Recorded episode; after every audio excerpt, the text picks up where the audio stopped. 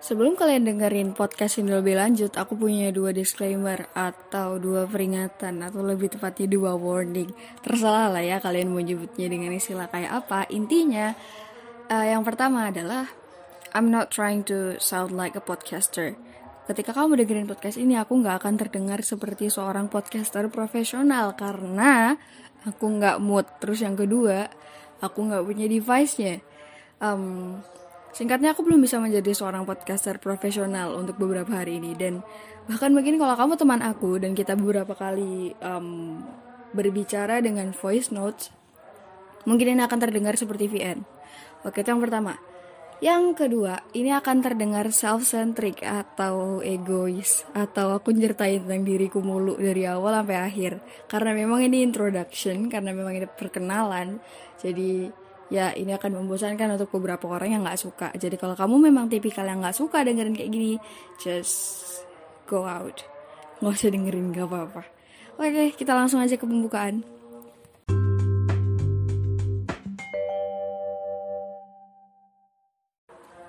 Assalamualaikum teman-teman semuanya Gimana kabarnya? Semoga sehat Atau mungkin kalau memang kamu sedang terinfeksi COVID-19 Gak apa-apa, soalnya banyak juga yang terinfeksi atau ya kalau kami memang terinfeksi lalu gejala parah atau orang-orang terdekatmu mengalami hal yang tidak enak ini semoga cepat sembuh semoga gejalanya cepat memulih ya kayak gitu ya. Anyway hari ini yang mau aku podcast kan yang mau aku obrolin adalah tentang three books to get to know me. Artinya tiga buku untuk mengenal aku. Sebenarnya harfiahnya begitu sih cuman untuk di podcast ini aku lebih prefer ke tiga buku yang aku banget atau yang akan aku rekomendasikan seumur hidup gitu. Karena menurut aku manusia itu complicated. Manusia itu kompleks manusia itu dinamis dia nggak bisa didefinisiin atau dikenal hanya dengan cara kamu lihat buku apa yang dia suka gitu. Gitu kalau menurut aku. Oh ya anyway kalau misalnya ada noise kayak dari masjid or something like that itu dari masjid deket rumah aku. Aku nggak tahu itu apaan tapi memang tiap Kamis atau Jumat ada kayak gitu. Oke kita langsung aja ke buku. Oke kita langsung aja ke buku yang pertama.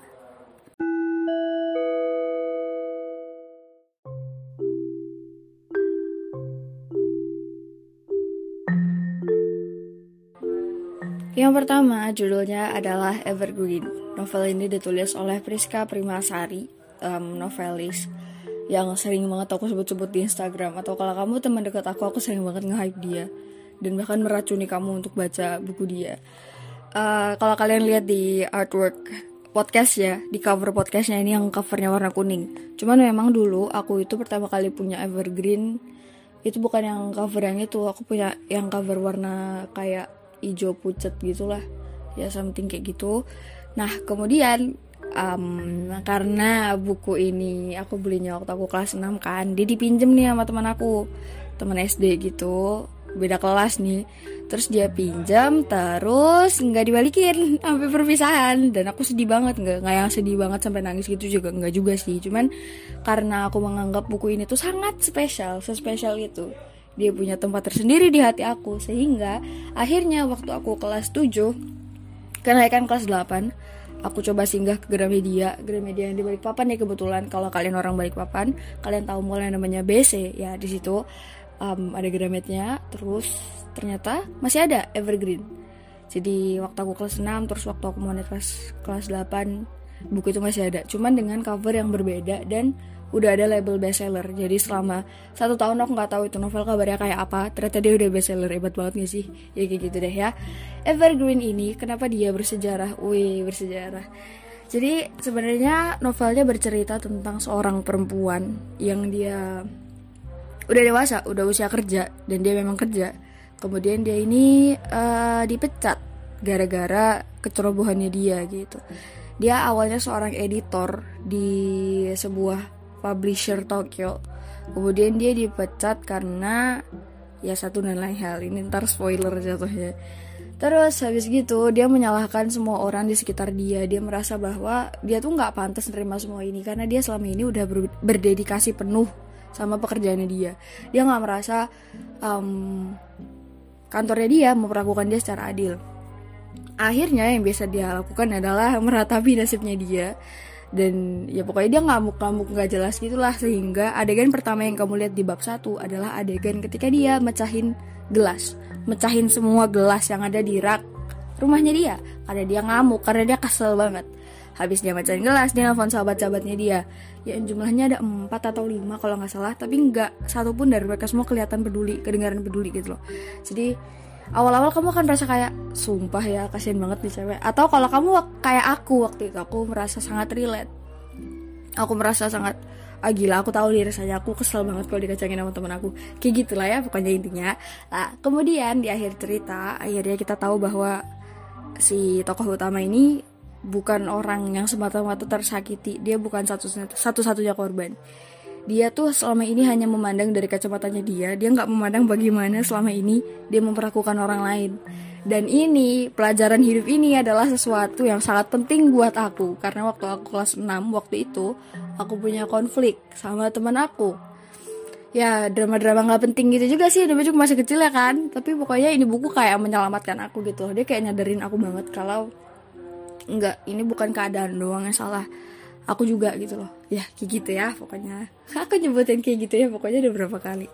Ya begitu deh. Intinya ini buku bersejarah banget karena dia ngasih pelajaran hidup di waktu yang tepat. Dan ya kamu harus baca. Anyway kalau kamu pengen baca dan nggak mau bayar dia ada di Pusnas. Semoga kamu betah ya baca di Pusnas karena di Pusnas formatnya kayak PDF terus ada bikin pusing. Ya kayak gitu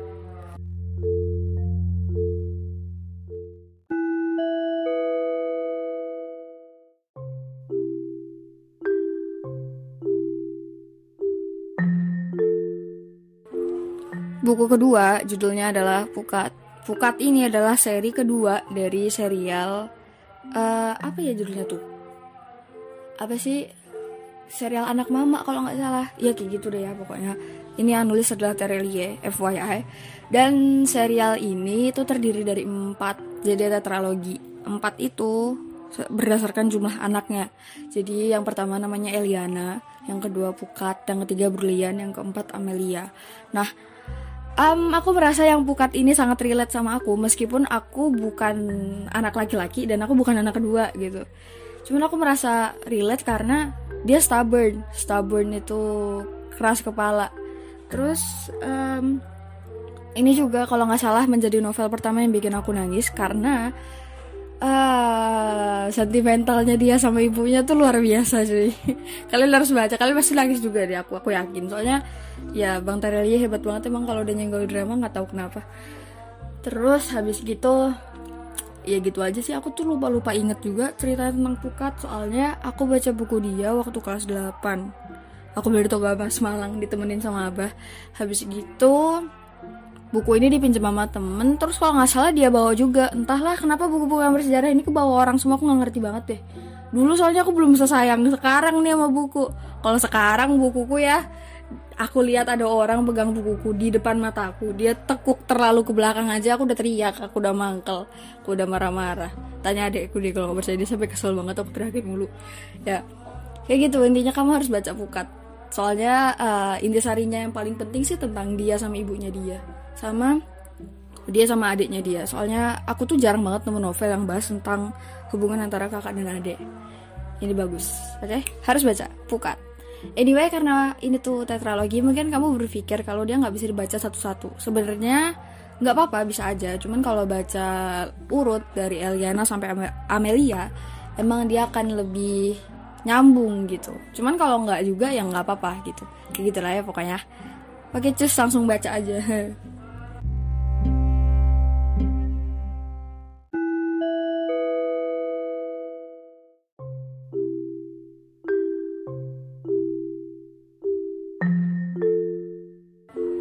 Yang ketiga, judulnya paling panjang dan judulnya bahasa Inggris. Even though I'm told I now have wings. Artinya, walaupun sekarang aku udah diberitahu bahwa aku punya sayap gitu. Ini adalah seri ke-6 dari serial Hyoka. Di pada tahu gak sih Hyoka itu apa? Ini kalau kalian otak pasti tahu deh. Hyoka itu sebenarnya anime atau kalau nggak salah dia anime yang diadaptasi dari light novel. Aku juga nggak yakin. Tapi ya pokoknya ini kayak gitu dan aku memang koleksi si novel Hyoka ini. Cuman kebetulan yang seri ke-6 itu merupakan cerpen bukan novel kayak seri pertama dan kedua dan ketiga dan keempat dan kelima. Nggak tahu juga. Kalau nggak salah kelima tuh cerpen juga tapi aku belum punya jadi aku nggak yakin. Nah kenapa novel ke-6 ini aku banget? Karena di sini tuh ini ada satu tokoh yang namanya Oriki Hotaro. Dia tuh laki cowok yang effortlessly cool gitu. Dia kayak manusia paling pemalas manusia paling gak niat manusia paling mager. Tapi dia pintar tapi dia punya kemampuan. Apa sih yang kayak Sherlock itu loh? Aku lupa apa namanya kognitif? Enggak deh nggak tau lah kayak gitu pokoknya. Nah terus uh, di yang keenam ini dia kayak menceritakan lebih dalam tentang dirinya gitu loh. Jadi si Oreki ini dia punya moto uh, kalau aku nggak perlu ngerjain sesuatu nggak akan aku lakuin. Kalau aku perlu ngerjain sesuatu aku kerjain dengan praktis. Kayak dia pokoknya dia semalas itu dan senggak mau ribet itu sehingga dia punya prinsip demikian.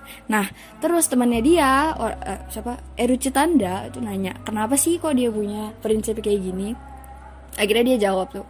Dia jawab beserta peristiwa yang membuat dia punya prinsip tersebut dan itu sangat hmm I get your point man aku ngerasain itu kayak gitu.